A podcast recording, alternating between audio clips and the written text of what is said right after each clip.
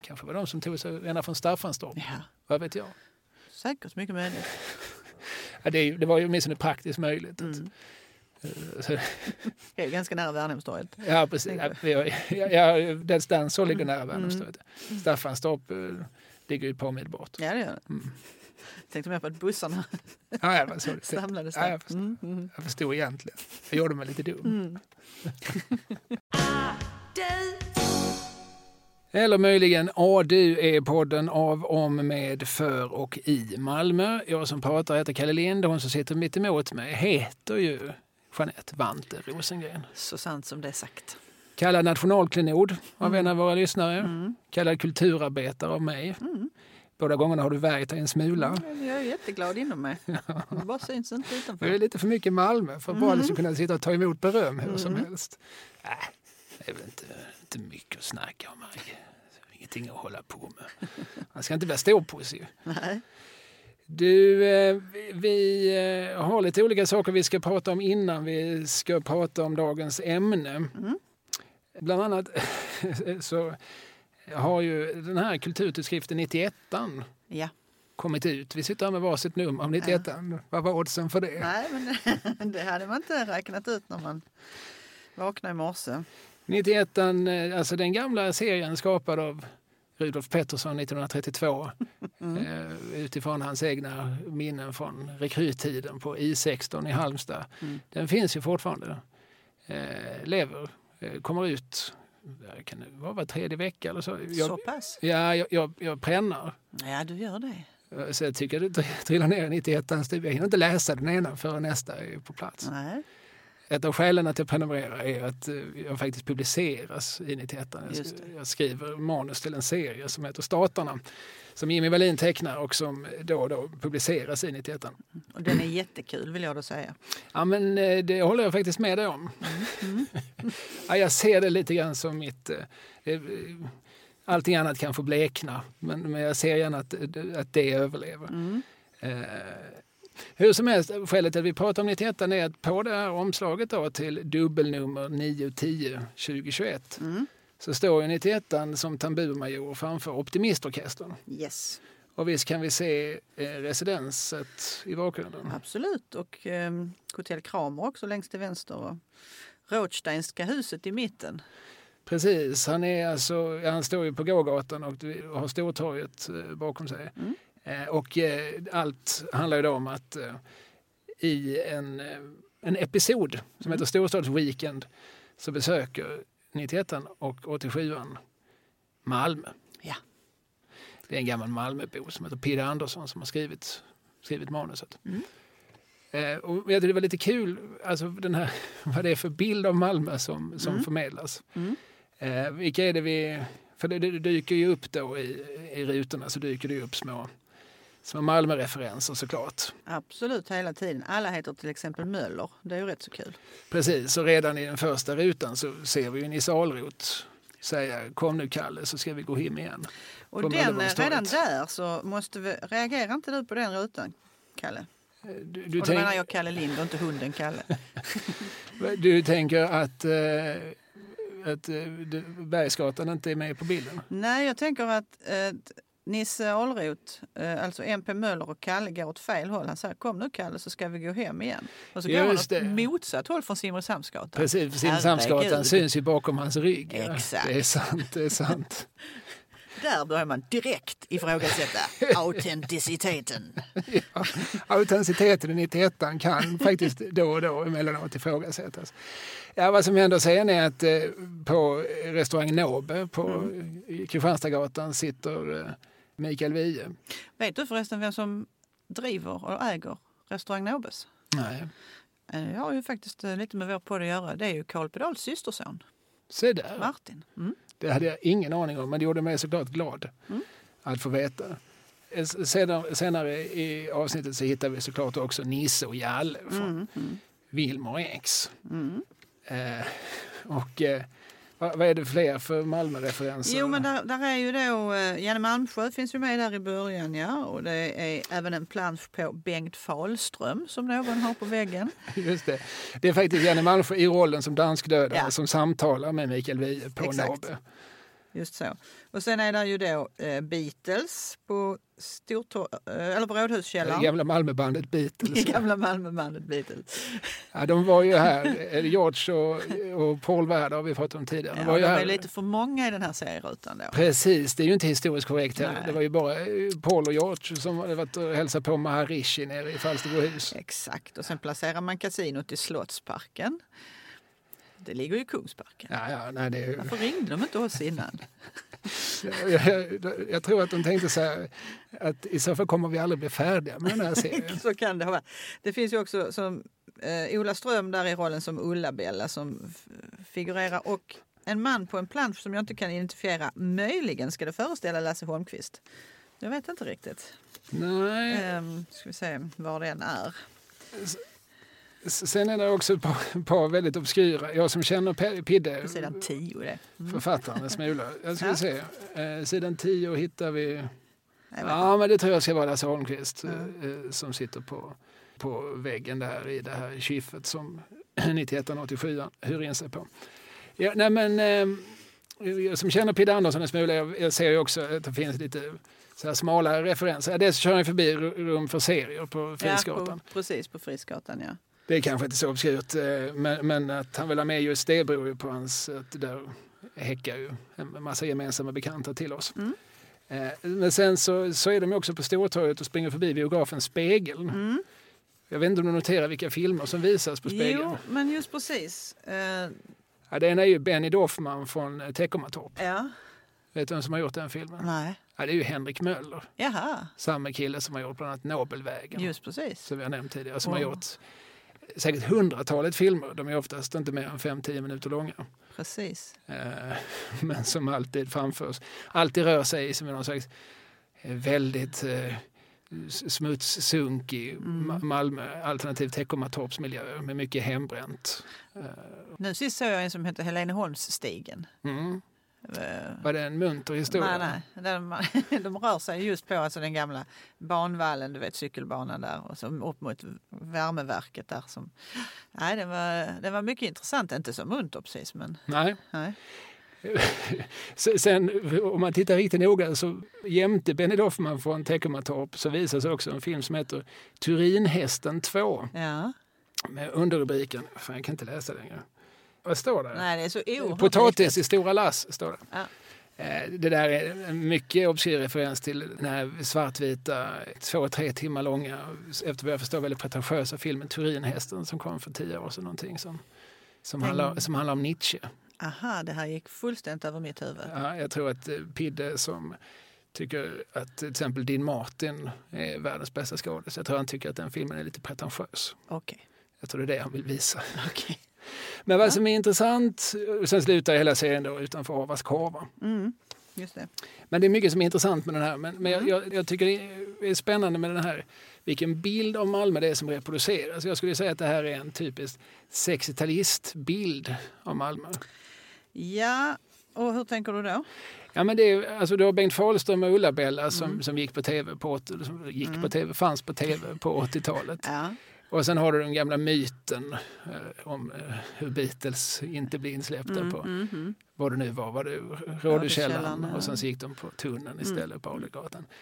Eh, och sen så, alltså egentligen är ju den, den senaste uppdateringen är ju Wilmer X. Ett band som bildades 1977 på ja. Pildammsskolan.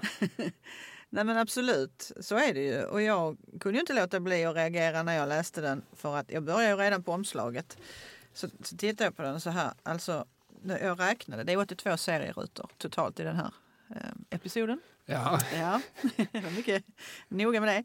Första omslaget här då, då har um, 91 ersatt tamburmajoren i Optimistorkestern, alltså Yngve Lundells konstverk som ju står på Södergatan.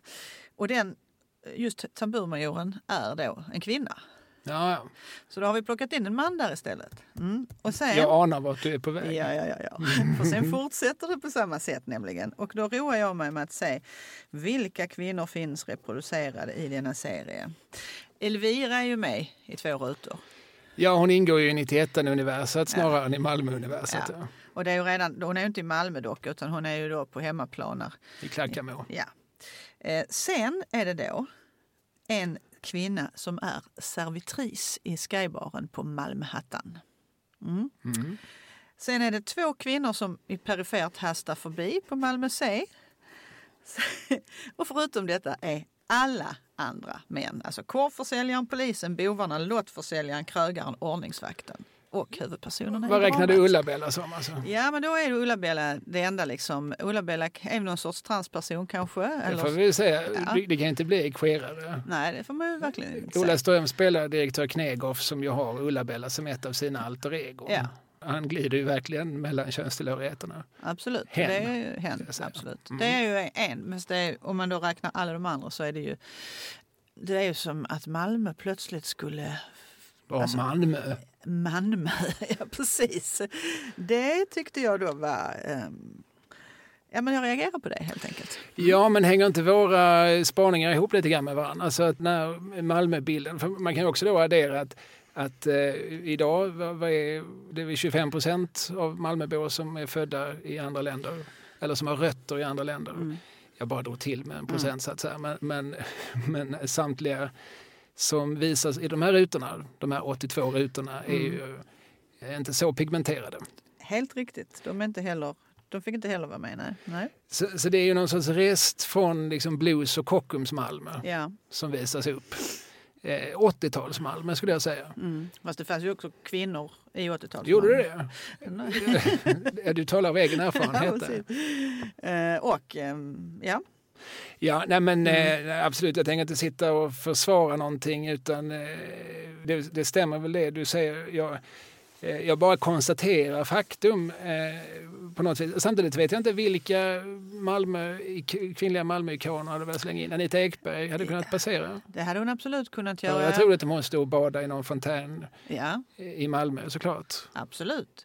Ja, men jag menar, det finns ju hur många som helst. Det finns idrottskvinnor, underhållare, allt från Eva Rydberg till Marianne Mörk till eh, random operastjärna eller skådespelare. Eller, ja, Absolut. sånt Apropå idrottare så jag, kan jag då notera att varken Zlatan eller Bosse är med. Nej, vilket jag tror tyder på att seriens upphovsmän inte känner till fenomenet idrott alls. ah, det kan vara så, ja. Det, det är ganska vanligt bland, bland seriebuffs att de har väldigt dunkla grepp om att det finns någonting som heter sport. Mm.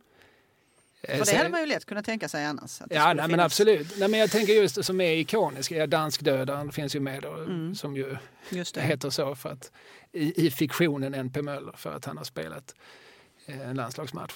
Mm. Men eh, jag tror inte det är på grund av sitt fotbollsintresse som Pidde känner till danskdödaren. Nej. Eh, Sen är det en, en sak till. Det är många som när de pratar med varandra här i serien så säger de när de ska skiljas åt så säger de servi. Mm.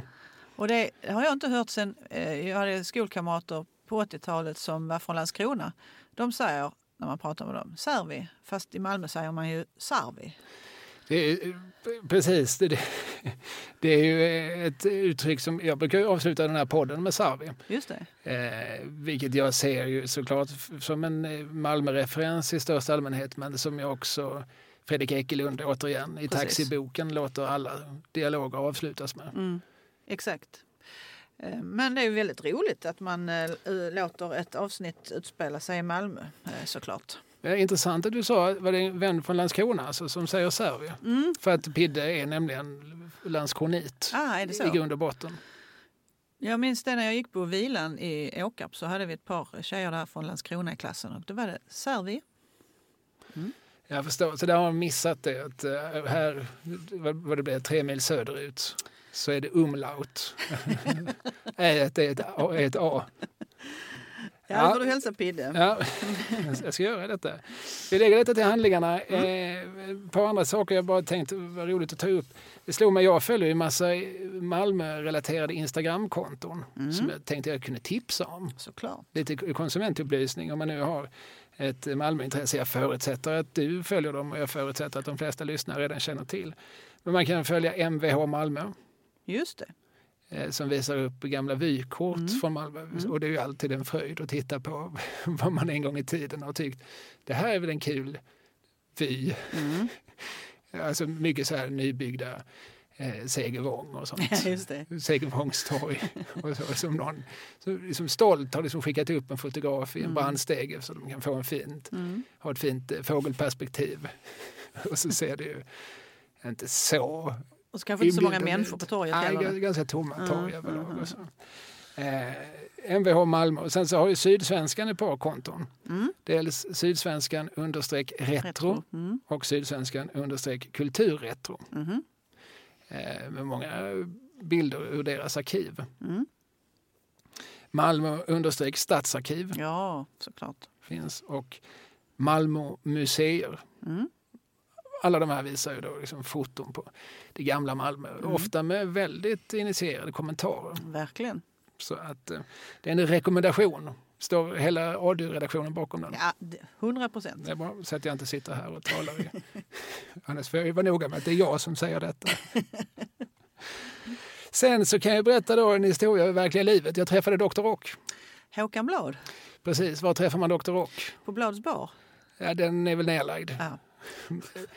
Vad man eh, oftast träffar Dr. Rock det är ju innanför kanalen. ja, såklart. Han rör sig ogärna bortanför kanalen. Nej. Jag träffade honom en gång i Göteborg Va? och sa, liksom, har du lämnat, har du lämnat gamla väster? Motvilligt. Ytterst motvilligt, svarade, svarade doktorn mig. För er som inte vet vad vi pratar om, alltså vi pratar om en, en Malmöinstitution, Håkan Blad, som har sedan 80-talet eh, som haft sina fingrar med i det mesta som gäller Malmös blues och rockscen. Kanske, han kanske aldrig har stått i, det liksom i, i absoluta bullseye, men han har alltid funnits där som en påhejare, en arrangör, en fixare, en, en kille som alltid såg till att ha ett antal öl, ett antal backar öl hemma så att eh, det kunde bli efterfester. Mm. Efter KB. Det var då Blads bar Precis. blev ett fenomen på 80-talet. På Gamla Väster där ja. Mm. Precis. Där, och, det är, och det är på väster han, han alltid har funnits. Och då måste vi prata om LP-Möller ju. Det måste vi absolut göra. Mm. Det är ju en, eh, en liten skivbutik som fortfarande finns. Jag har gått förbi där många gånger. Jag har aldrig sett att det var öppet Nej, när jag gått där förbi. det var kanske länge sedan han hade öppet Ja, det var väl i många år hans far som stod Ja. i den. och rökte pipa. Ja, precis. Det här ligger alltså på Ostindiefarargatan Mm. i Malmö och är en, eh, återigen får man väl säga, en institution. Aj, aj, aj, så många fina LP-skivor man har köpt där ja. Mm. Mm. Eh, och han har också drivit en massa konsertverksamhet Mm. på Sankt Gertrud det. och lite här och lite där. Och Mm. han har ju nämnts tidigare Mm. i, i ADU eftersom jag vid ett tillfälle eh, började citera ur en gammal artikel från, ja när, när var den ifrån? Tidigt? Mitten på 80-talet, var det Ja, inte det det? var till och med så tidigt som 80-talet. Ja. Jo, men det stämmer. Eh, och då är det alltså tre Malmömusiker. Eh, redan nämnde Nisse Black Nietzsche Hell, Hellberg Mhm. från Wilmer X. Eh, Håkan Blocket Blad, Mhm. som han tydligen kallades under en period. Som alltså också var med i bandet Hidden Charms. Mm. Och sen är det en kille som heter Mats Masken, alternativt Mapskin Colonel Boy Mm. Gustafsson Mm. som också var med i Hidden Charms. Eh, nej, men de gör en eh, lista på olika musikeruttryck. Köpet i köp. Just Eller om det det. möjligtvis var köpet i köp. Mm. Det rättade Håkan mig. Att jag hade sagt fel när jag läste innantill. Aha. Men, men det här var ju en jättelång lista på olika uttryck som, som var, var heta då i början av 80-talet. Eh, Bingohallen, ett annat namn på apoteket Röda Näsan. Eh, Macken, ett annat namn på Systembolaget. eh, Pinhead, det betyder samma sak som kolhue. Eh, Mm. etc. Men vad vi kommer att prata om som är lite roligt, eh, det är ju att eh, här förekommer också begreppet King Arne. Ja. Är du, är du bekant med det begreppet? Alltså det var en klubb på KB som hette King Arne. Det kanske det du skulle... Nej, jag tror att klubben fick namn efter uttrycket. Ja, ja. ja men det... Mm. Alltså Malmömusiker emellan så börjar man kalla liksom någon som var i smöret. Så Någon- jävla King Arne. Ja, någon, som, någon som hade flytet, någon som, hade, Mm. någon som stod på topp. Mm. Han var King Arne. Mhm. Eh, och det uttrycket nådde mig första gången via det gamla Sollentuna-bandet Docenterna. Ja, ja. För de har en låt som heter King Arne Jaha. som ligger på deras LP Söderns ros från 1989. Mm. Samma LP som de gjorde Prince Kiss Ja. som Puss. Just det. Du, du minns den här? Ja, absolut. Ja, men då, och eh, där tog jag upp med Håkan när vi träffades på, givetvis då på Skomakargatan. Och eh, det hade han glömt bort, men, men han, det, det sa han att det, det, det kommer från oss. Det kommer garant, det, alltså vi hängde med docenterna på 80-talet. Det är garanterat från vår umgängeskultur som det har nått in. Ja, ja, ja. Till och med i stockholmskan. Ja, just det. För det var väl, jag tänker, då var det väl Joppe där som För Mats Möller har ju också varit sångare i, Ja, i men- Docenterna, men kanske inte då. Nej, det är alldeles rätt. Docenterna, trots att det var ett, eh, ett Stockholmsband, så hade de ju faktiskt två olika skånska sångare vid olika perioder. Mats Möller som sjunger på deras eh, bästa platta, Tid och lust. Varma öl och kalla element. Ja, just det, det är Larry Löfgren som sjunger Ja, så är det. Stockholm. Ja, men Sjunde himlen sjunger ju Mats Ja, Möller. ja, just det. Eh, och sen så, så en annan kille som jag tror heter Claes Rosengren va? var också sångare ett tag i Docenterna. Mm. Men den här plattan Söderns Ros, det är den första där Joppe sjunger i princip genomgående. Mm. Där de, nu, de slängde ut skåningarna och hittade någon sorts... De ville renodla sitt sound. Mm. Det är li- lite konstiga skivor på det viset att det är som tre, fyra olika sångare som sjunger på väldigt olika dialekter. Mm. De, Ja, det är ju... det är charmigt men eh, så hade inga, inga kanske. band hade låtit så idag. Nej. Hur som helst, begreppet King Arne. Mm. I den här gamla artikeln där de här tre eh, Malmö rockersarna beskriver olika ord så, så beskrivs King Arne så definierat. Urtypen är Sellers när han är fransk gentleman och stöter på brudar klädd i gabardinkostym, lackskor och smal mustasch. Mer än Allan. Ja, ja. Ja, Arne är så snäppet högre än Ja. Allan. Jag har annan positiv betydelse också. Till exempel Fjällis är King Arne på gitarr.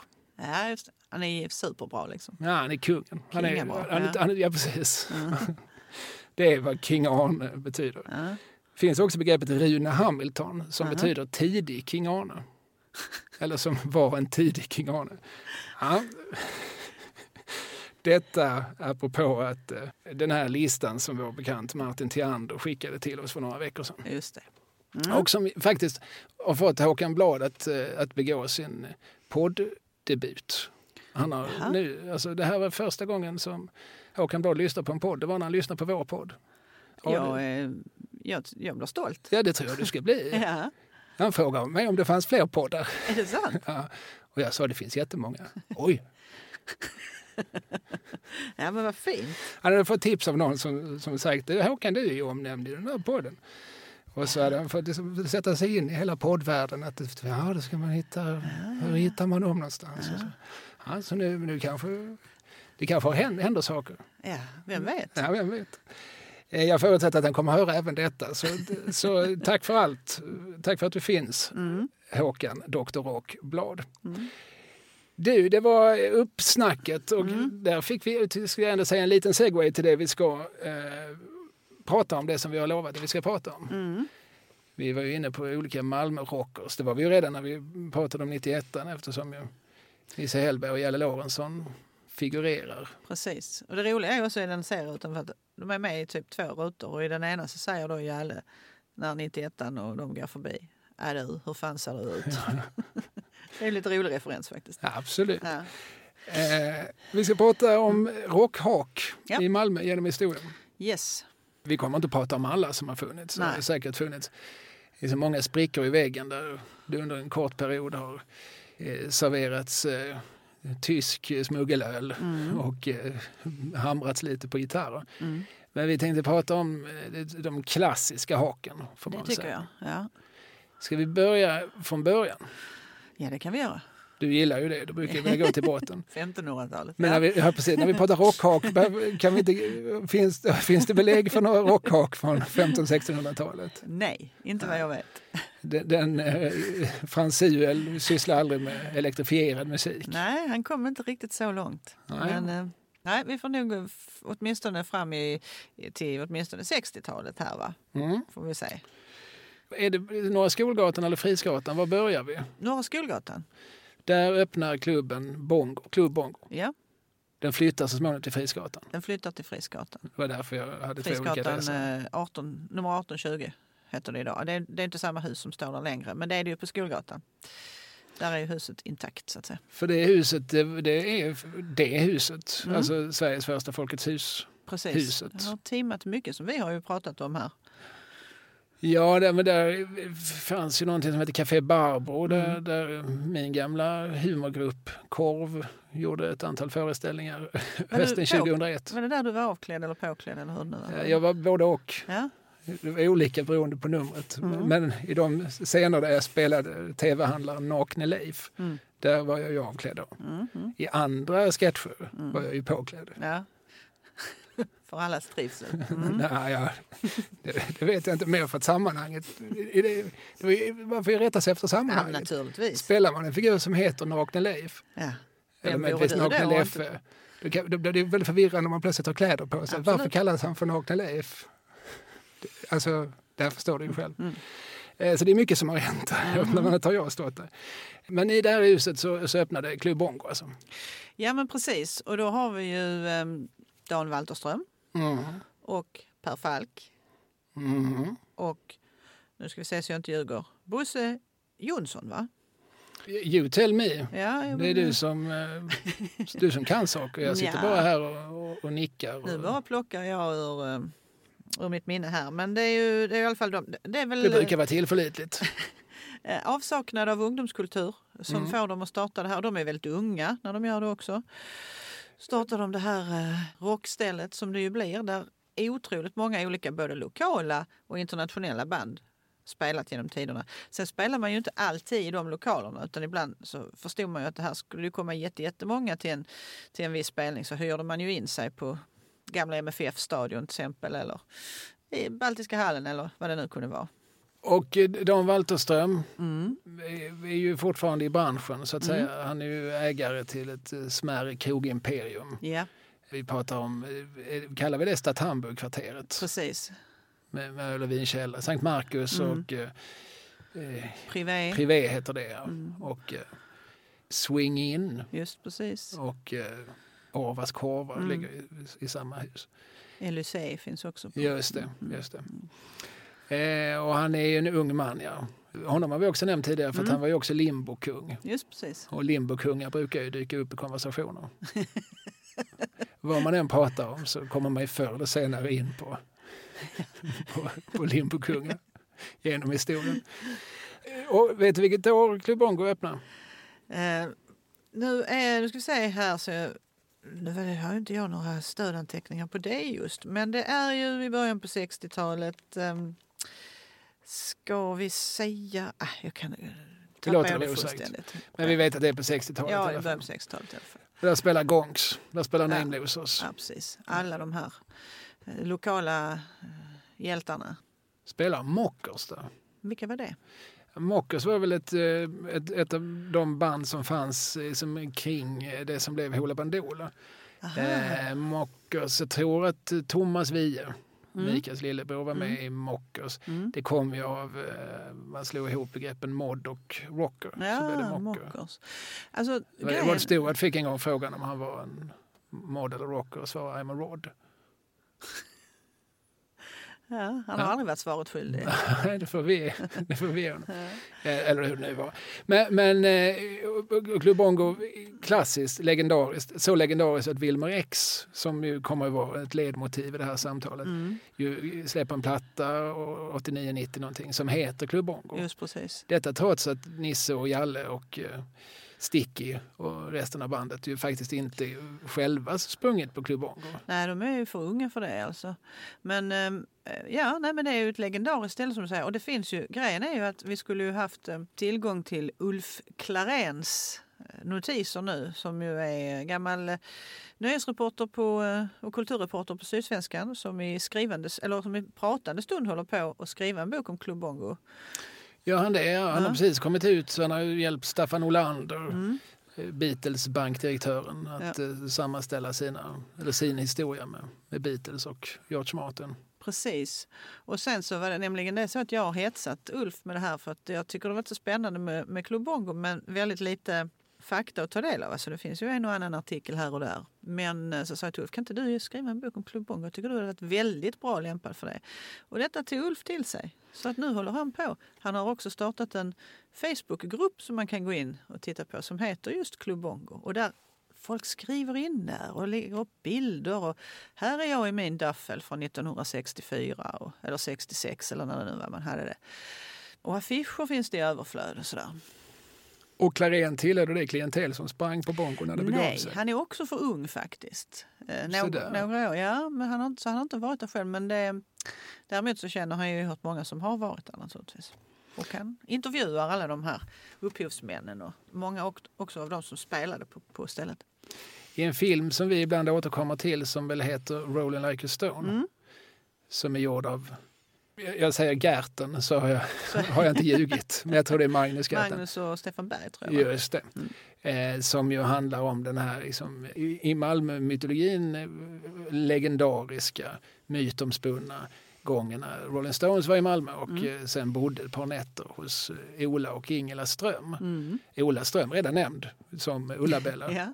Ingela Ström som ju för övrigt samarbetade en del med Hoola Bandoola Mm. och gjorde pjäsen Kaninerna på Navarona Mm. ihop med Hoola Bandoola och eh, Tidningsteatern, det vill säga bröderna Segerström. Mm.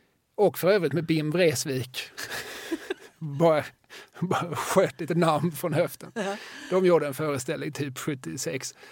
Ingela Ström, syster till Ola, så de eh, hade FF och eh, så sov Mick och Keith och Brian hemma hos dem. Och eh, den här, de här dagarna från då, det gjorde då eh, ett par yngre eh, Malmöbor på samma sätt som Wilmer X stöpte en platta till Club Bongo så gör liksom Magnus Gerten och Stefan Berg, de gräver liksom i, i generationen ovanför sin Mm.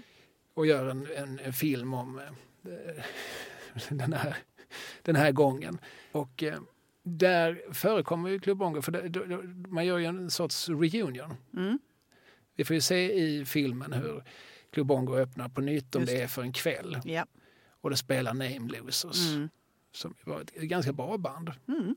måste jag säga. Alltså det som faktiskt, eh, mycket annan svensk eh, pop och rock från 60-talet kan, vi, kan man kanske liksom uppfatta som lite, lite, det fattas någonting. Det är lite, Mm. lite mesigt. Mm.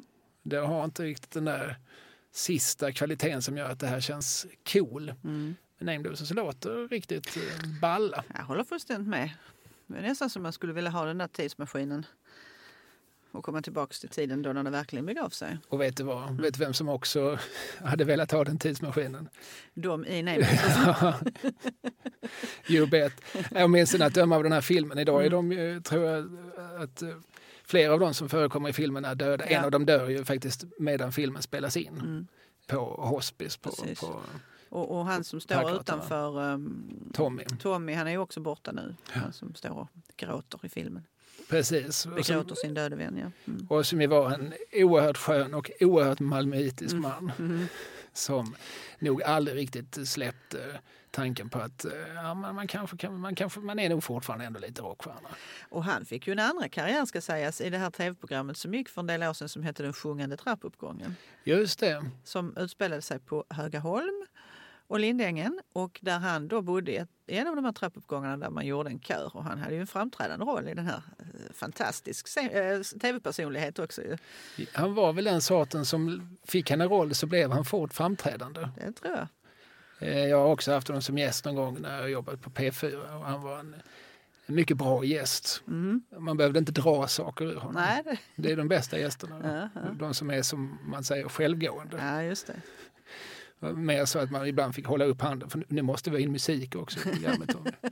ja, blev det någon av mina låtar? Nej, inte just den här gången. En skön lirare. Ja. Ofta sedd på Södergatans eh, bänkar där han satt med sina solglasögon och snackade med alla som gick förbi. Precis, och Mm. kanske rent att fråga, minns du Name Losers? Det kan han ha gjort. Ja. Mm. Club Bongo i alla fall, Jimi Hendrix spelade där. Det gjorde han den 23 maj 1967 Ja, och då är det på Frisgatan. mm. då har de flyttat dit. Ja. Um, ja, men det fanns också ett jazzhak och eh, alltså det var flera olika musikkonstellationer som samlades under det taket. Nej, men det gjorde han och då ehm, hade han ju inte riktigt slagit igenom än. Eh, så att möjligen fick man honom ganska billigt, han och hans band. Ja, Jimi Hendrix spelade ju ganska mycket i Sverige. Mm. Alltså med tanke på att Karl blev ju bara 27 år gammal. Ja. Han dog väl 1970. Va? Så han har ju varit här ett antal gånger. Han spelade bland annat i Sandviken Mm. av alla ställen. Där bodde ju en ung Thomas Ledin som Mm. var med och arrangerade flera konserter. Och Ledin har ju beskrivit att första gången han kom så var han liksom glad och trevlig och utåtriktad och tillgänglig. Och sen så redan året efter så hade någonstans drogerna Mm. eh, gjort honom personlighetsförändrad. Okej. Eh, Men det är väl i Klubbongo-spelningen som, som har fått vingar. Eh, Det är väl också efter den då som Jacques Werup hävdar att, eh, att Jimi Hendrix sen letar sig in i någon lägenhet dit samma kväll även Johnny Bode, Gunnar Siljablo och Jacques Werup råkar leta sig. Eh, som Werup berättar i sina memoarer och som vi kanske måste ta med några rullebörar salt. Ja, där har han nog eh, spett på lite grann. Men visst hade det varit en skön kombination, tänker jag. Där skulle man ju vilja vara en sån här fluga på väggen. Ja, ja, Mm. Lyssna.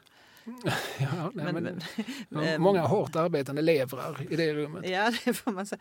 Eh, det, han blev, den blev helt sågad. Alltså, rec- Sydsvenskan recenserade den här spelningen och signaturen Bosson sågade det fullständigt, eh, Jimi Hendrix. Man publicerade inga bilder heller. Så att alla de här bilderna som vi har sett på senare år eh, som pressen tog då, de gick inte i tryck helt enkelt. Utan de hittade sen Joakim Berglund på Bilder i Syd i ett eh, stort kuvert där det bara stod popkonsert. Alltså nu långt, långt senare. Och sen har han ju låtit eh, göra en eh, film av det. Alltså det blir stillbilder men det, det blir ju ändå så att man kan se det på film med beledsagande röst, speakerröst. Så. Så som eh, När synden kom till Malmö heter den filmen. Just det. Mm. Mm, Och då, då är det så på Sydsvenskan har ingen tyckt att det här är liksom värt att arkivera Nej. ordentligt eller liksom att, att datera. Och så, Nej. utan då har man pregat ner i ett kuvert. Ja. Så rockkonsert så slänger man det i samma låda som det kanske står hundutställning på ett Ja. annat kuvert. Precis. Ja. Och tack vare Joakims detektivarbete så känner nu ju varannan människa till de här bilderna från Frisgatan. Och väldigt många säger också, jag var på den konserten. Det är liksom det här klassiska, det Det är precis som jag låg bakom målet på Malmö IP. Ja, Visst, plötsligt var ja, men när jag tänker efter, Ja. visst fan var jag där? Ja. Jo, jo det Ja. måste jag ha varit. ja. Jo. Nej, men jag minns att han spelade gitarr, minns jag. Det var en som spelade gitarr. Ja, nej, men Ja. det, Mm. Absolut, det är så myter ofta fungerar. Mm. Eh, men Club Bongo finns det ett antal år och då har man ju förstått att det här, det här var ju viktigt. Det här var ju som en, ett, ett centrum för stadens unga pop och rockintresserade. Ja, men inte minst på, om jag tänker på, på första stället där utanför eh, det som idag heter Ungdomens hus, alltså gamla Folkets hus på Skolgatan. Där är också en sån här liten plakett i marken där man kan se vilka band som har spelat. Eh, och som sagt, vissa av de här banden spelade inte på den adressen men det var i Club Bongos regi. Hur som helst, snett över där, eh, bara en liten bit därifrån, kanske 100 meter, så låg ju Frasses bar. Som ju också var en sånt där ungdomshak. Så man kan tänka sig att det har varit lite ett sånt där tonårskluster en gång i tiden. Va? Och vilka band spelade på Bongo? Ja, det var ju en otrolig mängd både nationella och internationella eh, band naturligtvis. Vi har sådana som B.B. King och Dizzy Gillespie och Johnny Cash och Maria Makeba och ja, Hollies och Small Faces och Who, Yardbirds. Ja, det är ju en uh, namnkunnig skara. Det är, Ja, det får man det är verkligen ju människor som Ronnie Wood och Eric Clapton. Och, Och såklart alla de här också som alltså Tages och, och Chains och Olander Janglers och de svenska banden där. Med, ja, Hepstars. med, Duke Ellington. Va? Ja, det är ju inte illa. Blood, Sweat and Tears. Ja, det är stort. Men för mig är det ännu större att eh, Hepstars med Benny Andersson på orgel har spelat det. Ja, Eller Tages med Tommy Blom har spelat ja, ja. det. ja visst. Och Olander Janglers med Club av Geijerstam på Ja, gitarr. men verkligen. Ja. Och um, minnet klarnade lite grann. Alltså man startade 64 mm. Mm. och höll på till 68. Och sen ungefär i mitten där så bytte man lokal.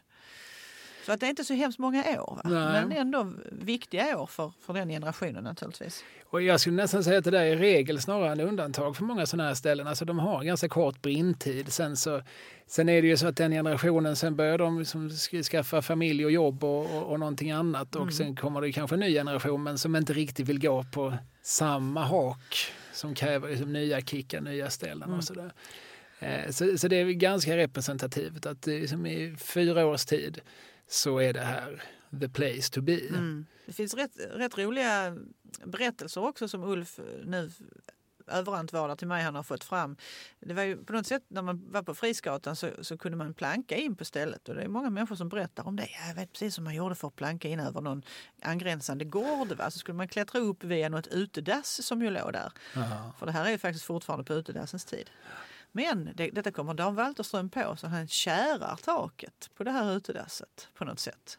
Häller på en försvarlig mängd kära får man förmoda. En förslagen entreprenör.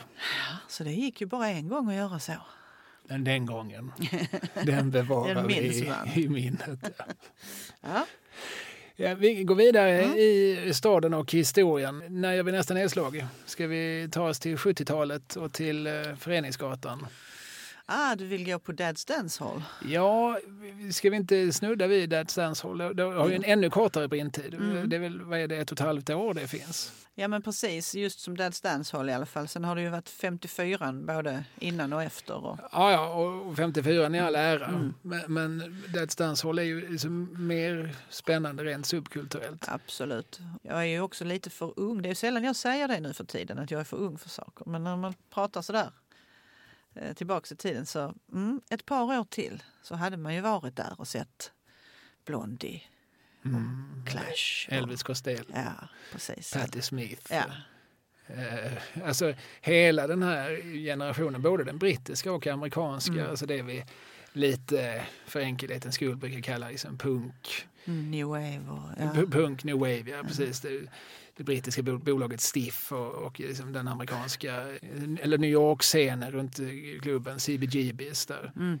Där, Precis. där är ju alla sådana här, alltså, egentligen väldigt väsensskilda akter. Det är väldigt stor skillnad på Television och Blondie och Ramones och Mm. eh, Patti Smith. Mm. Men, men de var på något vis, eftersom de fanns på ungefär samma scen och eh, alla hade en relation till Velvet Underground Ja. så brukar vi liksom lite grann eh, liksom klumpa ihop dem som en sorts scen. Mm. De är också samtida då. och flera av de här, bland annat Blondie som vi har pratat om tidigare, Mm. spelade ju på Dad's Dance Hall. Mm.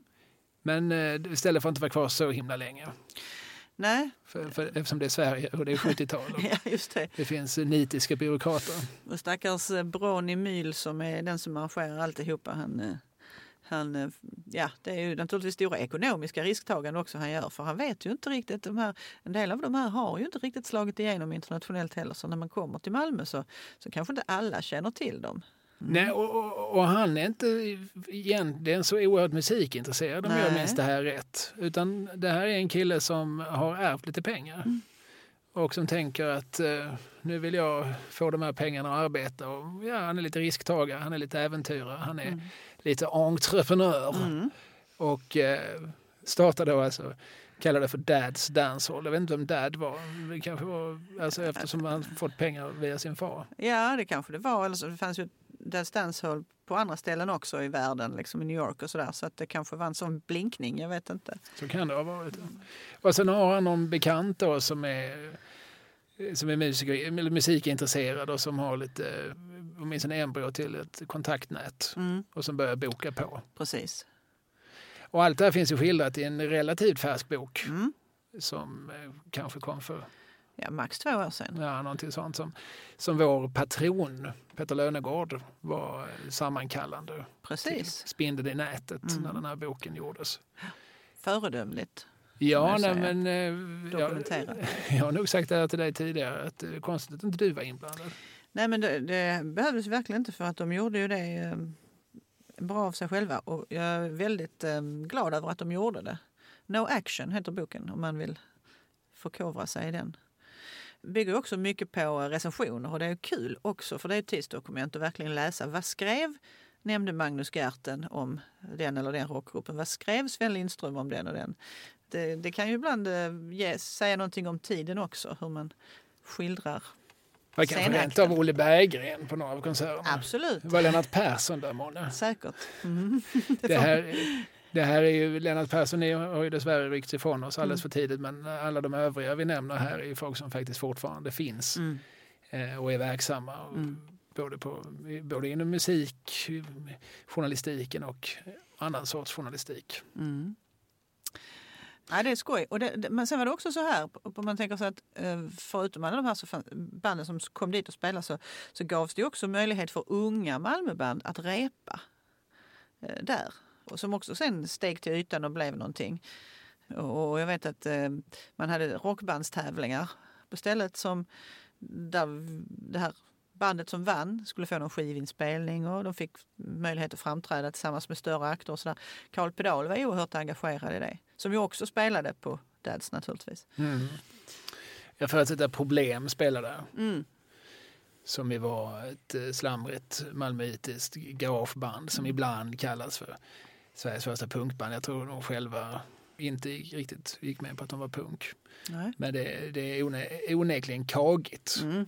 Det är jävligt stöddig musik. Absolut. Och jag tror att jag nämnde Lennart Persson som alltså dels var musikjournalist och dels var med och drev eh, skivbutiken Musik, Musik och och konst Mm. som fortfarande finns kvar på Spånggatan. Mm. Eh, Jag tror att han faktiskt producerade deras första åtminstone singel, kanske Jaha. rent av LP. Ja, ja, se där. Så, så då, här finns ju en liten scen. Ja. Eh, Alltså rent fysiskt finns det en scen som heter That's Dance Hall som Ja. ligger på Föreningsgatan 54. Mm. Men det finns ju, och där blir ju också uppenbarligen en sorts samlingsplats. Det, ofta är det ju så som att subkulturer, liksom strömningar behöver liksom ibland liksom fysiska rum Mm. där människor kan träffas och där, och där det då finns dragplåster i form av musiken såklart. Men det, det blir ju också såklart en, en samlingsplats. Och, alltså, du vill också ge ut en tidning, du vill Mm. också driva en skivbutik. Så det, det, det är liksom en förutsättning för att folk ska kunna komma från olika ändar av stan och kanske rent av från Åkarp och Mhm. Burlöv. Kanske. Eh, Ja. om vi hoppar framåt i tiden då, vart Mm. vill du ta oss då? Ja, men nu, jag- tycker att vi är fortfarande nu på 70-talet. Vi är slutet på 70-talet och nu är vi ehm, i hörnet av Stadiongatan och Bisittargatan i Malmö. Där ligger idag något som heter Good Morning Hotel. Bisittargatan pratar man sällan om. Mycket sällan. Jag har en, faktiskt en gammal kompis som eh, växte upp där. Se där. Mhm. Vad var en bisittare, vet du det? Ja, det är, jag vet inte, inte det är en sån som jag är till dig? Typ. Jo, sidekick på Ja, engelska, men det känns som ett modernt medialt begrepp. Eh, Alltså, Christian Lok har den här Instagram-killen som sin bisittare i Ja, sin ja. talkshow. Ja. Eh, Men, men jag tänker att den här gatan måste vi fått namn mycket tidigare. Än, Christian Lok. ja, Ja, de heter ju... De det är väl innan gatorna gubben, där. till och med innan gubben i lådan dök upp hos Hyland 62. Mm. Alltså Carl Gustaf. Alltså det var väl en tidig bisittare. Eller Efraim Alexander och Sven Jerring i Barnens det. brevlåda. Mm. Det, det började 1925 men jag kan ändå tänka mig att den här gatan är äldre än så. Mm. ja, det där får vi forska i. Men, Namn. blir, jag, jag, återigen blir jag besviken när du inte vet. nej, men jag tänker att de gatunamn, jag tänker för, för, febrilt på vad de där gatunamnen omkring där heter där vid Allans korv. Alltså det, de heter ju sånt där konsult och lektor och aktris och vad det nu Eller aktris kanske är Lindeborg förstås. Men ja, Ehm, ja jag får... eh, Där vi lägger det till handlingarna. Och så Mm. Vi lägger det i ett litet eh, guldpaket som vi tar, plockar upp i tillfällen. precis. Ja, men när vi Vad var det där- som låg där Ja, ja men det är ett stort tegelschabrak som AF Bostäder bygger eh, en gång i tiden och där man installerar eh, eller där man installerar studenter ska jag säga. Alltså för det är ju studentbostäder från de som gick på dels lärarutbildningen i Malmö och dels på Käftis, alltså tandläkarhögskolan. Och där har man då ett diskotek, en liten nattklubb, Pireus blev det så småningom. Och eh, sen hade man också en teaterlokal, så det var ett litet kulturnav där. Och på den teaterlokalen vet jag att man som mellanstadieelev ofta blev ditbussad. Det var olika pjäser som handlade om eh, att man inte skulle sniffa tinner och röka hasch och sånt där. Det inte var viktigt. Ja, för då kan det sluta väldigt, väldigt, väldigt illa. Det var pjäser med en sensmoral. Så var det. Kan det man var säga. Så det, var dock inga, 70-tal. det var inga öppna slut. Nej, det var det inte. Då var det något vrak som låg där i någon eh, sönderskuren jeansjacka och så blev man om man sniffade tinner. Mm. Mm. Ehm, Ja, och... eh, Och där tog ni alla såklart till er av så att det fanns inget tinnersniffande på Söderkullen. ja, det, jag kan inte svära på det. I alla fall, det var nog de som var några år äldre. Jag, Ja, jag som hade missat den här pjäsen. för ung för, för Tinner. ja, ja, det, det betvivlar jag dock. Ja. Nåväl. Nej, men i alla fall, eh, jag sysslar inte med dylikt. Utan jag, eh, det var Unga Teatern som höll i det här ska jag säga också. Det var deras scen. Unga Teatern var ju en, en av Malmö stadsteaters scener för just ungdomskultur. Jo, och eh, då kommer där några killar, fyra killar. Du nämnde Anders Albin. Mm. Jo, det. Eh, förutom han så var det Anders Håkansson och Thomas Lindé och en som hette Lasse von Torskaj. De var Lundapågar. De hade varit med i olika sammanhang som rörde Lundakarnevalen och AF och Studentikosa-spex. och sådär. Vana arrangörer. Absolut. Anders Albin som nu för tiden är verksam som eh, teaterregissör och gör mycket, har regisserat många av Eva Rydbergs föreställningar på Fredriksdal och mm, väldigt mycket musikaler och sådär. Mm, Och som också var manusförfattare i Helt apropå-gänget under 80-talet. just det. Han var väl, eh, tror jag, ordförande i det som heter Studentafton Mm. i, i Lund. Mhm. Han, hade säkert, han beklädde säkert som tusen olika positioner inom det Studentikosa Lund. Eh, Men i egenskap av studentaftons ordförande så ska han ha varit liksom oerhört aktiv och skickat in inbjudningar åt alla möjliga håll, bland annat till, till Idi Amin. Oj, Eh, och vad fick han svar på det? jag är osäker på om han fick svar på just det. Däremot så bjöd han också in Albert Speer, Jaha, eh, Hitlers gamla rustningsminister, och fick ett ja. oj. Men eh, därmed vill inte Speer komma till Lund, av, eh, som han sa, för att eh, det, det, ni kommer inte att kunna upprätthålla eh, liksom, Säkerheten. erforderlig säkerhet. Nej. Och så. Alltså för både min och er skull så inbjuder jag istället er. Så att Anders Albin åkte till Albert Speer någonstans i, i Tyskland Mm. tillsammans med sin vän eh, Kryddan Pettersson. Ja, eh, Idag mest känd som Birgitta Dahl. just det. i apropå. Så de två åkte hem till Albert Speer. Det här gick under beteckningen studentafton. Jag har försökt luska ut alltså hur det här kom studenterna till, till godo. Att två av dem åkte till, till Tyskland. För det är långt innan streaming, tänker jag. Ja, filmar de Nej, jag tror inte ens de gjorde det. Jag tror bara de var hemma hos, hos Speer och kollade läget. kaffe, Ja. Det var en association, men det här, alltså, Anders Elvin är en fixare. Mm. Han är en, en kille som är bra på att dra igång saker, att få saker gjorda. Och så är väl även hans tre kollegor. Ja men precis och det var väl det de, de hade att göra där i början. Alltså när de blev erbjudna de här lokalerna. De kommer dit och tittar och tycker att kanske att ja, det här är ju liksom världens utkant av stan. Men eh, ja, de etablerar sig där och så startar de då det som kallades då Nöjes och kulturbolag, ett aktiebolag. Och de börjar boka band. Ett av de första banden de bokar faktiskt är Gyllene Tider. Som deras allra första turné. Så man visste ju inte heller. Flipp eller flopp. Är det 79 då? Ja, det är precis. Eh, precis. Och eh, redan då så hade de en mytomspunnen, senare mytomspunnen bandvärdinna som heter Lotta Love. Som var med och, och jobbade med dem. Liselott Lindgren kristnad till det. Men på hennes dörrskylt där hon bor så står det Lotta Love. Och posten kommer alltid rätt. Mm. Jag gillar vad jag hör. Några som blir eh, mer eller mindre i husband där det är ju Dan Hylander och Ray Montana Band. Ja, de gör väl också den första spelningen. De gör den absolut första spelningen. Visst gör de det? Eh, En fredagkväll i februari. Fast då är vi framme på 82. Ja, men då är det på Erikslust. Då är det på Erikslust. Då är det första okej. spelningen Ja. på Erikslust. Det är ju nämligen så att ett investmentbolag som kommer in i bilden som heter Proventus som säger att ja, nu ska vi bygga om till det här till hotell så då får ni flytta ut. Och då fick de flytta ut och då hade de letat lokal på olika ställen i stan och så hittade de det här ute på Erikslust som också är en väldigt bra bit utanför stan om man det är ju inte centralt hur som helst.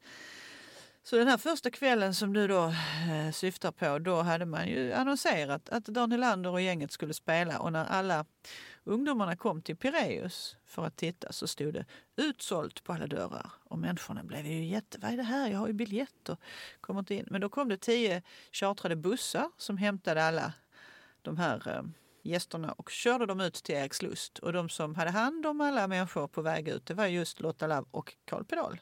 Och såg till att de hamnade rätt på det nya stället och sen så blev det en invigningsfest som hette duga. Och nu är vi alltså på år 1982 Yes. och nu så kallas det här etablissemanget för KB. Ja, det gör det väl. eh, Det, det gör det väl så småningom, Kulturbolaget. Men alltså Erikslust hade ju funnits innan. Det var ju en dansrestaurang så, som människor gick och åt lite bättre middag och, och dansade. Så att det fanns ju, lokalerna var ju liksom förberedda för det här då. Men det som är intressant också är att vem är det som äger fastigheterna på Erikslust som blir hyresvärd? Jo, det är galleristen Per-Olof Börjesson. Se där, nämnd i den här podden tidigare. Ja, men det är han va? Ja, det, det var väl han som också designade dräkter åt eh, något av dina fotbollslag. Ja, då jo, men det gjorde han. Han, designade en, eh, en matchdräkt 1995 till Malmö FFs damer. Ja, Som blev så- mycket omskriven. Mycket omtyckt, eller? Jag kan säga att den dräkten den blev mer omskriven än vad hela den allsvenska säsongen blev i övrigt. Ja. Mm. Ja, vi har nämnt honom här för att han... Det står ett... eh, Vi pratar om Malmös offentliga konst och eh, alldeles utanför där vi sitter nu på Jäknegatan så, så finns det ett eh, litet konstverk av Carl Milles som heter Emigranterna. Det. Och det är Börjesson som har satt upp den där Mm. eh, på sin, vad det var då i alla fall, hans privata mark egentligen, eller utanför hans lokal som han hade, man ägde väl huset Mm. mm. jämte. Den står där i hörnet, i hörnet Jäknegatan kan det vara, Rundelsgatan. Rundelsgatan. Mm. Eh, så därför är han nämnd. Han, men det, det var en excentriker, Ja, han, det finns ju som, det, som man brukar säga. en snäll eh, omskrivning. Ja, han, han, han har ju skrivit sina memoarer, en del av sina memoarer. Han kom ju ut med en bok som heter Innan, jag tror den heter Innanför och utanför ramarna. Mm. Är som är ungefär 600 sidor. Och det var ändå bara de första låt säga, 30 åren i hans liv. ja, det var en sån som ser till att fylla sin korta stund på jorden. Ja, Ska jag, nu, den här perioden mellan vaggan och graven, nu måste någonting hända. Och det åligger mig att se till att saker sker. absolut. Eh, Han ägde i alla fall Erikslust. Ja, och så långt fram i tiden sen så blev han ju också en rubrikernas man när han, han hävdade att han hade fått något fel på sin bil. Så att bilen som stod parkerad utanför körde rakt genom väggen in och rammade ungefär fiskdisken i Malmborgs som ju ligger i bottenplan där. Med påföljd att, att den kvinnan som stod där fick någon kotfraktur. Eller, ja. eh, Och jag, jag tror det handlade om någon sorts försäkrings... eh, Jag minns inte om han... Eller vill inte gå in på eh, vad det var han egentligen hade gjort. Om han hade tutat lite innan han skulle köra eller så. Men ja, då blev han också pressens... Gunstling. Ja, Ja, men han var rubrikvänlig. Absolut. Ja. Ja. Jo då, han äger det här placet och dit flyttar nu Kulturbolaget och börjar boka på mer och mer band. Och man hade olika eh, temakvällar i olika klubbar. Och Totte Lundgren som så småningom kommer att ta över, han börjar som kock på det här stället 1982 redan när det öppnar. Så han stod och lagade maten och lärde sig allt hur det fungerade i branschen. Mm. Mm. Det är väl en sån bransch man lär sig inifrån och underifrån så att säga. Mm. Ibland, det finns ju andra exempel att någon då som plötsligt sitter på en stor hög pengar som de kanske har ärvt eller jobbat ihop någon annanstans. Eh, och så börjar man eh, ovanifrån. Men väldigt många kommer ju faktiskt från golvet och klättrar uppåt och liksom, ja, lär sig med trial and error och, Mm. eh, och sådär. Eh, och, och KB, trots att det ligger som det gör, alltså, åtminstone idag, jag upplever det som väldigt perifert. Jag minns första gången jag förstod, var det här KB låg en gång? Mm. tog sig folk hit. Och så får jag då tänka att det var i början av 80-talet och att det var liksom inget, fanns inte någon annanstans att ta sig. Nej, det var ju, ja, men man cyklade ju eller åkte taxi eller åkte buss. Ja, ja nej, alltså, nej visst. Droska, det, det är ju inte, man måste ju inte ta flyget, nej. Nej. man måste ju inte starta på morgonen för att ta sig dit. Men, men Nej, men är man liksom tillvand vid någonting annat? Att, Nej. eh, ja, men, eh, alltså jag, när jag kom till Malmö så bodde jag ju på Möllevången och Mm. då behövde man ju bara gå ner för trapporna så fanns det ju en krog. Varför ska, Ja. varför ska jag ta mig till en annan krog i en Mm. annan del av stan? Nej. Men i en tid när det inte var fullt lika krogtätt överallt och de krogar som man kanske hade i sitt hus frekventerades mest av stamkunder. Det var kanske roligare att ta sig till, till ett ställe där det var, musik för ens egen generation. Ja men absolut och sen var det ju vilka fantastiska band man har sett där i sina dagar. Det var ju också en, en stor eh, inspiration naturligtvis. Hängde du på gamla KB. Absolut, väldigt KB mycket. som det heter på magnetiska. Ja, men då, var jag ju, då stod jag i mitt flor ju när det var. Inte exakt från början, men eh, något år in där. Och det var ju rätt så, ja, det är ju rätt så roligt det där. Det fanns eh, en gång i tiden en vakt som hette Tibor som jobbade på Kulturbolaget. Som stod där och tog lägg. Och eh, jag gick ju ofta dit med mina lite äldre fotbollskompisar som hade åldern inne. Det hade inte jag. Och då bönade jag. be- Alltså, typ, Tibor, jag är 18. Det är bara det att jag har glömt min legitimation hemma. Du ser ju alla mina kompisar här, de har ju lägg. Så fick jag oftast gå in då och hade en rolig kväll. Och sen så, så sov jag ofta över hos en, en fotbollskompis som bodde precis bortom hörnan där på Major Nilssonsgatan. Och sen morgonen därpå då skulle jag ta bussen hem till mitt föräldrahem och då eh, kliver jag glatt på bussen och säger en barn. Som man gjorde, så tittar jag upp och där sitter Tibor och kör buss. För han gjorde det också. ja. Eh, sen var det lite problematiskt ett tag innan jag blev 18 alltså. Men så var det med den Så saken. var det med den saken. Vad minns du för akter från KB? Oj, det är många. Um, vad har du headbangat till? ja, Hedberg. Men framförallt minns jag sådana här lite... Eh, många gånger var det ju så. Ska du inte hänga med på det där och det där? Och så, äsch, det var inget jag kände till. Men man hängde med ändå bara för att det var ju roligt att gå på något. Framförallt var det ett band som jag aldrig hade hört talas om när jag kom dit som hette Timbuk 3. Ett amerikanskt band som hade en superhit som hette sen då som hette eller skivan hette väl The Future So Bright I Gotta Wear Shades tror jag. Ja, de blev rätt så stora. Men de var fantastiskt bra och då var första gången eh, jag hade hört dem överhuvudtaget. De andra som var där hade ju köpt någon skiva eller så. Sådana saker var kul. Det är intressant Min- att Timbuk Free ligger i, före Timbuktu i, Ja. i kronologin. ja men det är det faktiskt. Ja. De var ett par minns jag. Alltså det var två stycken som, ja, han och hon. Sen var det ju andra eh, gånger som det också hände lite roliga saker som när man, ska du inte hänga med på Thomas Di Leva?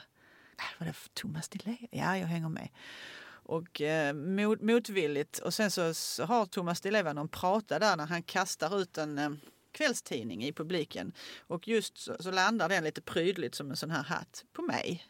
Som just var den enda som inte hade haft lust att gå på konserterna. Alltså, det är sådana minnen man har. Men i alla fall. ehm, Minns du vad det stod i tidningen? Har du kvar tidningen? nej. Nej. nej, det har jag verkligen här. Du menar den? Nej, jag tror det var så. Kvällsposten eller Aftonbladet. Alltså. Nej. Ja.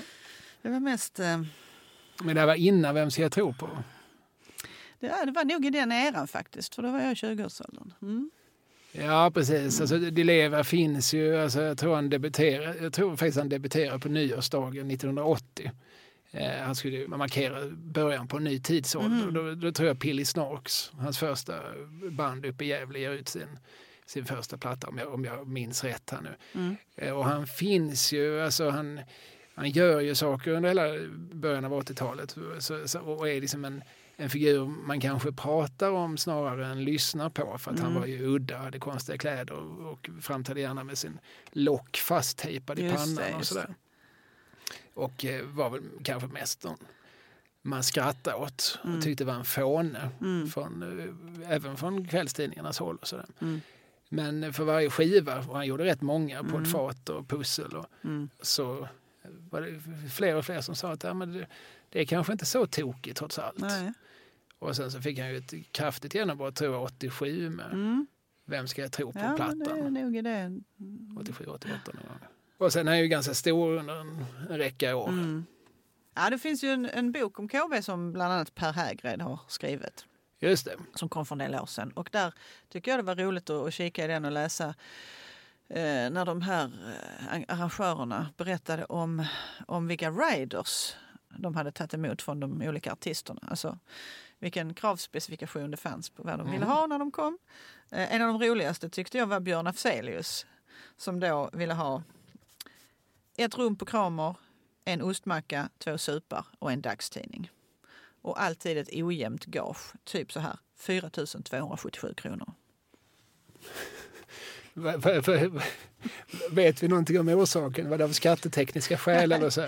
Det framgick inte av, av boken. Jag undrade också det. Men, Nej, för det finns ju många historier från, från olika sådana här liksom spelställen där man, har, där man alltid gaget har varit, precis, och det har jag också varit med om, man får precis så mycket att man inte behöver skatta för mm, Om det är nu liksom 999 Mm. nu för tiden, så Mm. för, för 30 år sedan så var det kanske en lite en, lägre summa. Eller, Mm. så här, så det är precis så här mycket man... Och, och då slutar det ofta på nia. Mm. För sen så från och med tusen kronor så, Så är det. så blir fogden intresserad. Just det.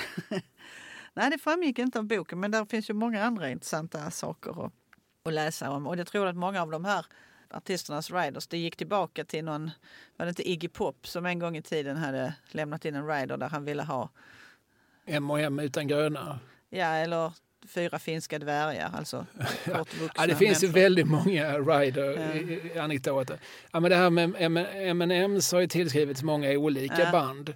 Eh, att, alltså, vi vill ha här M&M, men vi vill att någon plockar bort de gröna kulorna. Mm. Och det finns också olika liksom, historier om varför någon hade gjort så. Att det var som ett sätt att checka att då kan, när man kommer in i logen så kan man bara kolla M&M. Har de plockat bort de gröna kulorna, bra, då har de gjort det andra också på Mm. listan. Just det. Eh, och, eh, men oftast så, så berättas det ju som ett exempel på eh, liksom, hur världsfrånvända divorna blir med tiden. Och, så här. Och det finns ju många fantastiska riders. Eh, Det Mm. finns en bok som heter Jag ljuger aldrig om rock'n'roll Mhm. som den gamle journalisten Håkan Lager har skrivit där han intervjuar en kille som, jag har tappat hans namn, han heter Tommy i förnamn, men som jobbade på något av de stora bokningsbolagen, typ Emma Telstar Mm. under 70-talet. Och det är en bok som är, den är saftig. Mhm. Och När han liksom berättar om vad han har gjort och liksom i egenskap av, av eh, liksom killen på golvet. Mm. Just det. Att det är ju mycket att han har fått köpa eh, Mariana till Mm. Bob Marley och även stå kvar när, när Bobban har provrökt det. och det är ju om att han har fått eh, gå med skäggen i ZZ Top. Och, eh, de har velat ha en prostituerad för Mm, kvällen mm. och eh, så har han liksom tvingats liksom gå med dem. Liksom bett ett antal olika damer att sitta i något fönster någonstans så ska de gå fram och tillbaka så att de ska utse vem av dem som de ville ha. Mm. Den sortens eh, ganska solkiga stories. Mm. En, en del lite roligare än andra. Men, men eh, jag minns just Fleetwood Mac hade en, en rider som var på 20 sidor. Alltså finstilt. Mm. Där alla medlemmarna i bandet hade sin specifikation. Mm. Och alla ville ha liksom, ett sexpack Pepsi, ett sexpack Pepsi Max, ett sexpack Cola, Mm. ett sexpack Cola Light. Alltså väldigt, eh, Mm. väldigt mycket de ville ha. Just det. För att eh, när, det blev så, de här stora akterna, de åkte runt, alltså, det blev ju som, de ville ju i princip ha ett snabbköp med sig. Ja. Så att de kunde liksom ta vad de, vad de kände dagen. för. Ja, precis. Ja, och, det, och jag tänker att Lotta Love just som var bandvärdinna, hon fick väl också hantera mycket av det där. Jag vet att hon, eh, hon berättade vid något tillfälle om att hon, eh, det, var, det hade nog också någonting med, med eh, inköp av eh, förbjudna bladväxter att göra. Men hon hjälpte Dr Hook vid något tillfälle. Så att hon sen fick en, en hundvalp av dem som tack. Jaha, Se en, där. Men, så, en cocker spaniel tror jag det var. Okej, Som hon döpte till Baby Hook naturligtvis. ja. Men, men det var ingen de hade haft med sig till Sverige för det tänker jag det är väl karantäntid och Ja, det kan man inte flytta hur som helst Nej, över det gränserna. många frågor just i det. Men jag, oh, om de inte köpte hunden på plats här i Sverige. Det var en impuls. Ja, det finns på bild och sådär. Så att det har jag sett eh, proveniens på. Ja, ja, ja, jag tror det. Ja, ja ehm, så. När flyttar KB till Bergsgatan? ja, alltså det är ju så att um, Totte och Lotte, som var hans dåvarande hustru, de köpte KB eh, och tog över det då 1987. Och sen drev de det ihop till 1990. Då sålde de det till tre killar som hade jobbat på stället länge. Och då hade de en sorts hyresborgen då, så att de höll koll på stället. Och när de här killarna sen då kursade så köpte Totte och Lotte tillbaka det, men då gick det ju inte så bra. Så att eh, de lyckades trassla sig ur den här hyresborgen och eh, sa upp lokalerna på Erikslust som då var väldigt dyra. Och ett år fanns det inget KB då i Malmö, ungefär 1992. Det var det mörka Då året. var det det tragiskt mörka året. Sen var det så att Totte eh, ville fortsätta och bygga upp någonting nytt igen och Lotte tyckte okej och så hittade de då lokalerna på Bergsgatan. Och det är ett eget hus, som ett egen, egenägt hus nu då. Och det... Och där har de varit sedan dess. Så 93 öppnade de där. Mm. Och 93 är Möllan fortfarande inte riktigt Möllan. Det finns de som tycker, vad ska ni göra i de alkoholistkvarteren? Mm. Jo, jo. Den här tegelhögen. Mm. Precis. Men eh, det var ju väl etablerat. eh, Om jag kommer till Malmö 98-99 och slår mig ner här så är ju KB som en självklar institution vid Mm. det laget. Mm. Ett ställe man går på. Inte bara för att gå på band när de spelar utan även för, för deras dition. Ja men absolut, så var det ju. Men sen var det ju då ett, um, ett 20-årsjubileum som jag minns väldigt väl. När kan det ha varit då? Det måste ju ha varit 02 va? Eller hur? Från 82 då till... Från, från Erikslust Mm. till... Precis, de räknade från det. Och Ja. då var... Då, äh, gissa vilka som spelade. Wilmer X. Eh, nej men Daniel Lander och Ja, såklart. Och Peps och några andra. Så att de- de här, Dan Hylander och kompani har liksom... Eh, Men när du säger Wilmer X så tror jag att de har just gjort flest konserter av alla på KB. Ja, som jag har förstått det så, eh, åtminstone inför att den här boken skrevs, eh, sen kanske de har kommit, eh, hittat fler exempel, men det, men det finns, då fanns det, när Per Hägred, ett konsortium skulle göra boken, så det fanns inte riktigt liksom, någon helt tillförlitlig dokumentation. Det var Nej. inte så någon noggrant antecknat kväll för kväll vilka som har spelat Nej. där och så. Men det fanns ju såklart en massa affischer och annonser liksom Mm. mycket att utgå ifrån. Mm. Men då fanns siffran 48 gånger Okej. vad gäller Wilmer X. Mm. Eh, och, och, och det är väl den som gäller. För, nej, sen har de, nog till, de gjorde ju en streamad konsert förra året så nu är Just de det. uppe i 49 garanterade gånger. Ja. Sen har de förmodligen spelat några gånger till. Som, så, Som kanske inte har blivit... eh, ja, men de kanske har varit förband här Ja. eller, eller så där och sen så har väl dessutom Nisse och Jalle stått med andra konstellationer. Eh, och säkert Sticky. och- Alltså, men, Och alla dessa julfester som de, de också har varit med på. Precis, och, exakt. Men, men 40, 49 gånger vågar vi påstå att Mm. Wilmer X har spelat på Ja, det är respekt. KB-scen. Ja, och de har också, de spelar väl, de sålde ut KB sex kvällar eh, under två veckoslut, 98. Mm. Och eh, åtminstone trodde Hägred och hans medförfattare att det är det enda bandet som har spelat fler än två kvällar i rad på KB. Mm. Så att, eh, ja. Ibland så har man kanske tyckt att är det inte lite mycket Wilmer i den här stan? Är det inte, och återigen, den här 91 som vi pratade om inledningsvis, och så okej, det är Nisse och Jalle igen. Det var ett tag sedan de var så heta, men, Mm. men det är fortfarande de som ska liksom sitta på en parkbänk och säga, du, hur fan ser du ut? Mm. Men man kommer ju inte ifrån att Wilmer har en plats i Malmöbornas hjärta. Nej men absolut, det, visst är det så. Och den här streamade konserten de gjorde, Ja. där folk ju då fick sw- swisha, Mm. det var helt frivilligt. Att, Mm. eh, Jag tror inte man be behövde betala för att se den. Men jag tror att eh, det gav ett gott tillskott till Nisses, Jalles, Holsts och Stickys eh, privatekonomi. Ja, och det, ja men visst det, det är säkert så. De är ju väldigt mycket Malmö och de har en stor fanbase, det är ju bara så. Och de, det är inte bara det, det väver jag ihop dig och mig här med vår generation. Liksom. Utan det är, det är många unga som har anammat dem också. Ja, men jag skulle dessutom säga, med, med all respekt, men att vi faktiskt är lite olika generationer. Ja, Du är född 67, Ja. jag är född 75. ja, som min bror ja. Mm. Och åtta år kan betyda någonting. Men alltså Mm. Wilmer, när jag var 13-14 och började liksom orientera mig i rockmusiken, då var de inne på sin... Då hade de just fått en renässans. Då hade de Ja. hamnat på den stora etiketten EMI. Det är då teknikens under kommer. Och sen släpper de Mambo Feber, det här Mm. Mm. dubbelalbumet. och däremellan gör de för övrigt nämnda Club Bongo. Eh, Eller om den kommer efter, strunt samma. Men, men då har de ju ändå funnits och gett ut plattor sedan 79-80. Som har haft flera faser. De var ju betydligt garagerockigare i början och sen polerade de sitt sound i slutet av 80-talet. De hänger med sin tid någonstans, vilket Mm. är intressant med tanke på att de är ju ett, ett rotband Mm. i väldigt hög grad. Och Nisse Hellberg är den första att argumentera för att i vilken annan genre än rockmusik så kräver man utveckling. Nej men visst. Men eh, så, så att eh, i, i, decen, ett par decennier får man ju säga att de håller Malmöpubliken i ett skrevgrepp. Mm. Då, vi, vi dansar efter, efter, efter Jalles trynorgel.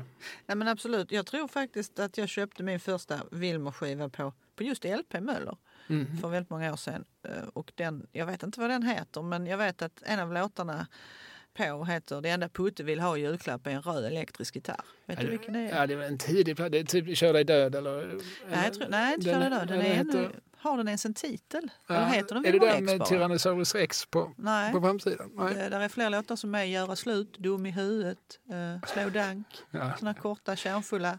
Med bra titlar. Jag måste vi ge Nisse Hellberg, han är bra på titlar. Absolut, mycket imperativ liksom. Så. Ja, Mm. men är effektivt. Han har ju skapat någon sorts, inspirerad av liksom någon sorts 50-talets rockspråk. Mm. Alltså att skriva slagfärdig rockprosa som, Mm. är, som är väldigt effektiv och tydlig. Mm. Något som var kul med KB tyckte jag var att de hade någonting som hette Klubb A-kassa på sin tid. Mm. Som människor som då gick på a-kassa eller hade studielån eller vad det nu var kunde komma. Så lämnar man sina eh, bevis på det då såklart. Och så kunde man köpa sig ett sånt här Klubb A-kassakort och gå in betydligt billigare än vad man skulle ha gjort. Det låter som ett utpräglat 90-talsfenomen.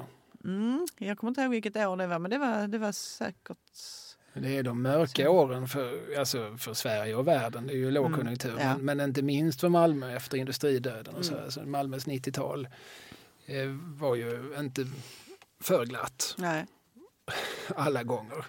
Det var ju glatt när det var Malmöfestival såklart. och det var drakrodd i kanalen. Men man fick slänga bollar på brandmän. Men resten av året var, Ja. det, var det kanske inte alltid lika festligt. Nej visst. Och då är det ju sympatiskt med entreprenörer som eh, ändå vill behålla sin krets av trogna stammisar. Ja, och som anar att de där stammisarna kanske ändå kommer att lägga en stor del av sin a-kasseersättning på öl om inte Ja. annat. Visst. Särskilt om de, om de låter dem komma in lite till reducerat pris så blir det ju att de köper två öl till istället. Såklart, såklart. Då har de ju tjänat liksom. Ja, ja, alla är nöjda i Ja, slutändan. ja, visst, visst. finns ingen som förlorar på den affären. Inte ett dugg. Ja, men detta om KB. Mm. Eh, vi har varit runt nu på ett par olika ställen, ett, ett antal olika ställen i stan. Ska vi säga någonting om Oves också? Mm, det kan vi väl göra. Oves. På, För då, då är vi i mina trakter. Jag bor ju på Ängelbäcksgatan och Mm. eh, Oves låg väl nere i hörnet Västergatan, Gråbödesgatan. absolut. Det ser man inte riktigt idag. Nej, för att fram till ganska nyligen låg det något som hette Café Allé, men det är ju försvunnet. Va? Ja. Jag vet inte om det har öppnat något nytt. Ja, det öppnade något som var öppet i ett par veckor och, sen, och som dog coronadöden väldigt fort. Ja, det är en eh, bra lokal, Ja. om inte annat. Ja, men där låg ju någonting som hette eh, Estrad, innan Oves alltså. Mm. Som också var ett musikställe där man dansar och lyssnar på levande musik. Men Oves invigdes 1985 i augusti. Och det är en förkortning av Ovesuvio. Ja men precis, det är samma bröder, de här italienska bröderna som hade Ove Suvio. Det fanns ju ett ställe i Lund som hette, eller pizzeria i Lund som också var ett uteställe som hette Ove Suvio. Som låg på Östra Mårtensgatan. tror jag. Gatorna i Lund. Vid, vid Mårtenstorget. Mårtenstorget känner du till. Ja, absolut. Så, så, så långt är vi med. Ja. Ja. Ja, men där någonstans tror jag det låg. Det, Mm. det var en, precis före min tid. Mm. Jag, så, som 15-åring hade jag bekanta som gick på Oves i Lund. Men Mm. jag försökte mig inte ens på att gå in där. Då var du en eh, gänglig eh, yngling som Ja, det var jag absolut. inte hade lägg, inte hade Nej. åldern inne. Nej, jag hade inga, inga storebröder jag kunde låna lägg av. Nej. Så jag fick snällt invänta 18-årsdagen. Och då, då, då, från- jäklar, jag, tror, andra jag, kan tänka mig liksom dagen innan jag fyllde 18 så la väl Oves ner. Min vanliga otur. Ja, Jag säger inte att det var så, jag bara förutsätter att det var Stor så. lapp på dörren. Stängt. Ja. Ja, eh, ja nej, men de här, ehm, de här ägarna de eh, tar ju två stora nöjesprofiler till hjälp. Eller åtminstone en stor nöjesprofil, alltså Lasse Hector. Mm. Som hade ju tidigare drivit bland annat Club Trocadero som låg inte alls långt därifrån. Och hans partner Abbe, Abelardo González som ju är arkitekt. Så att eh, Abbe fick rita och göra inredning och Hector han fick eh, lösa ut hela sin kontaktnät av olika kulturpersonligheter som man kunde tänkas eh, ta dit. ja, och han hade en tjock telefonbok. Jättetjock. Ja. Så det var ju eh, rock och disco och, men också restaurang. Det var indisk meny faktiskt. Och så var det husmanskost till lunchgästerna. Och så kör man igång. Jag tycker jag har sett foton också. Var inte servitriserna klädda i någon särskild, eller enligt någon särskild linje? Jo, det är mycket möjligt att det var så. Att det var kanske, nu gissar jag här, men var det inte lite 50-tals Var det inte lite pepita-rutiga Jo, det kjolar? kan det ha varit. eller Jag har är- suddiga minnen av dem, men det, så kan det mycket väl ha varit. Ja, vi påstår ingenting. Vi, det, det är säkert någon som minns som kan mejla oss på adupodd gmail.com. Kan det inte vara så att du tänker på att ehm, ja, det var ju två stammisar där som, som sen öppnade liksom ett, ett café i lokalerna. Alltså, Det var två kvinnor, ja. Petra Elmqvist och Gunilla Lundin som är gift med historikern Johan Lundin. Ehm, men de var väl mycket där och kanske har de... Det kanske de jag har på sett någon- på en bild. Ja, jag, minns, ja. jag, jag vet att jag har sett någonting där folk är lite, kvinnor är lite uniformt klädda Ja. enligt någon sorts mönster som jag inte tror var så inne vid tiden. den tiden. Nej, men Men jag det kan vara. eh, blanda ihop saker. Mm. Nej, men där var det ju också hit och svitt. Det var två barer vill jag minnas. Eller två, ja, två olika rum som man uppe. Det ena var större än det andra men som också hade en scen där det spelade olika band och sådär. Och det är ju en konkurrent också till KB då på mitten på 80-talet ju. Annars har KB varit ganska ensamma på banan ju. Ja, har de det?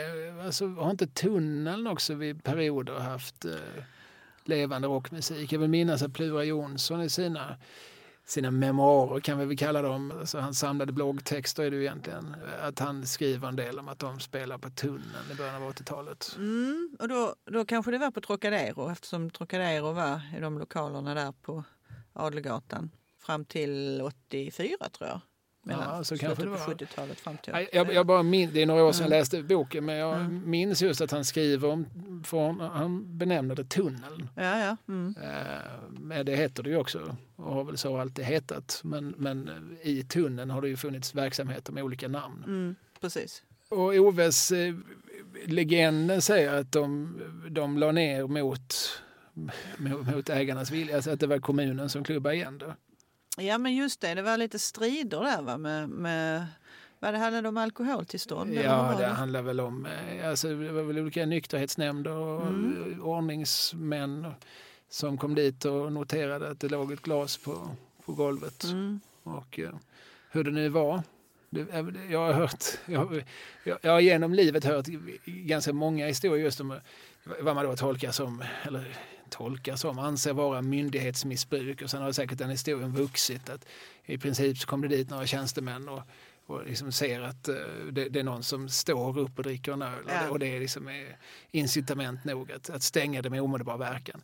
Det var förmodligen inte, gick förmodligen inte så snabbt till. Men jag minns att Fredrik Gerten skrev, skrev mycket om detta i arbetet. Ja. Att eh, Oves då bröt mot, mot, mot de förhållningsregler som fanns som gällde ordning, nykterhet och trevnad. Jag menar, det är så intressant att man har det överhuvudtaget som en Alltså, om du ska få driva en klubb eller en krog så ska du kunna upprätthålla ordning, nykterhet och trevnad. Mm. Då har man lite grann missat en av poängerna med att folk går på krogen. Trevnaden Trevnad möjligen. möjligen. Men de andra? Men tre, trevnad är väl heller ingenting man har efterfrågat i Malmö. Nej, och det är ju högst subjektivt vad man, vad man tycker är. Ja, ja. Mm. det, i högsta grad. Det är som förr i tiden när, när radionämnden, nuvarande granskningsnämnden, eh, när de hade, de hade ju som en klausul om, om god underhållning. Mm. Det blev ju som svårt att bedöma, alltså, ska ni bedöma det? Alltså, vad betyder god underhållning? Just det. Det finns ju många så här legendariska historier om Harry Schein anmälde Åsa-Nisse-filmerna Aha. för brott mot klausulen om god underhållning. För han ville ha det prövat. Han ville ha ett, eh, ett pre- prejudikat. Ja. För om, det här, om Åsa-Nisse är god underhållning, då ville han veta vad dålig underhållning var. Ja. Men, var det lite Har han inte en liten poäng faktiskt? Eller? Jo, nej, men ur, ur den aspekten, ja.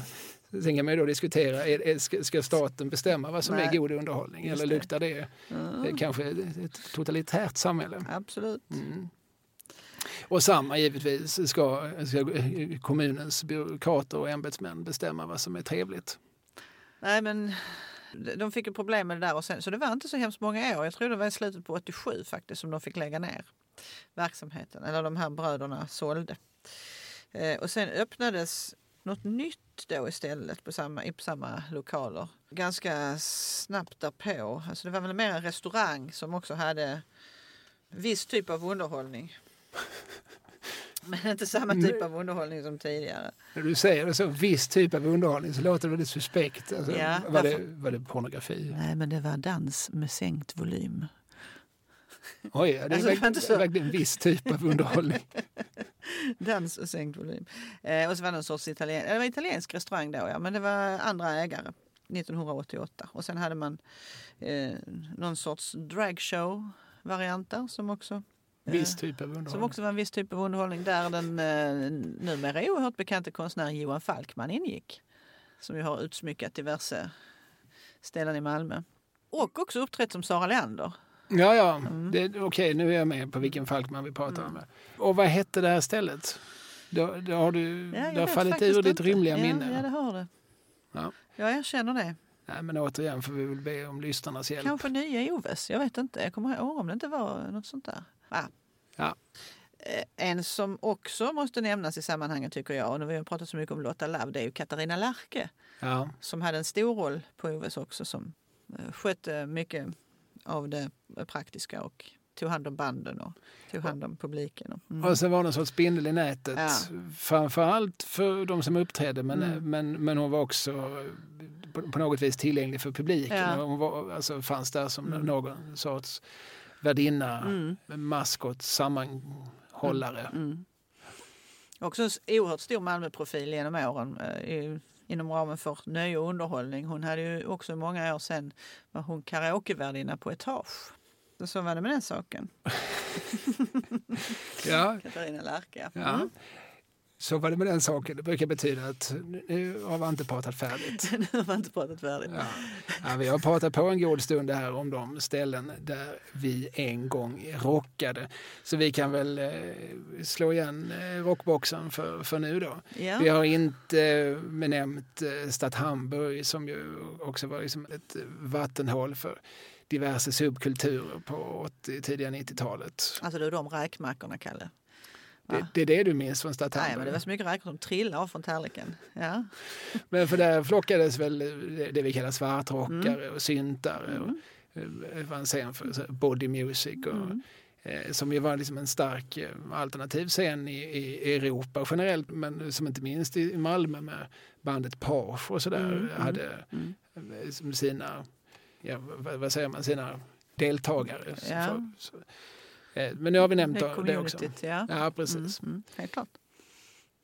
Och vi har glömt en massa andra ställen också men Mm. eh, herregud, vi kan ju inte nämna allt. Nej, nej, nej. Det måste ju finnas en annan lucka kvar för lyssnarna att själva fylla i. Mm. Eh, Det vi främst har pratat om är Club Bongo, Dads Dancehall, KB och Oves.